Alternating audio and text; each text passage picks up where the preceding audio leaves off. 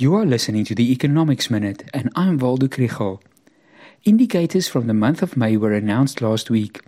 ABSA and the Bureau of Economic Research's Purchasing Managers Index was slightly lower. NAAMSA's vehicle sales statistics looked much better than in May last year, and the shares of consumer oriented companies suffered on the JSE. This episode is supported by the Bureau of Economic Research in Stellenbosch and the NWU Business School. Purchasing manager indices are important leading indicators because a company's purchasing manager has to think quite a bit ahead. There's also a strong correlation between the index and production in the manufacturing sector. For a fourth month in a row, the index shows that business conditions are weakening.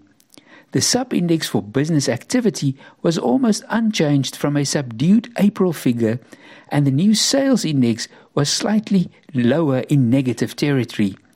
The weaker rand unfortunately means that the purchase price index was slightly higher.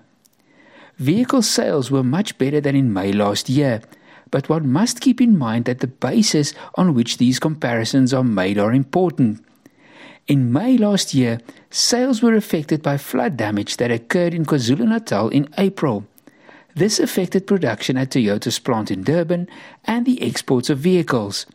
Normal production and exports therefore make the year on year figures look better, although this year's high inflation rate and high interest rates make things difficult for consumers. On the JSE, the impact of consumers who are suffering along with the country's electricity and transport problems are visible investors realize that certain companies' profits are now under pressure, and Tiger Brands, Spar, Pick n Pay, Dis-Chem, Mr Price, and Pepkor closed last week with lower prices.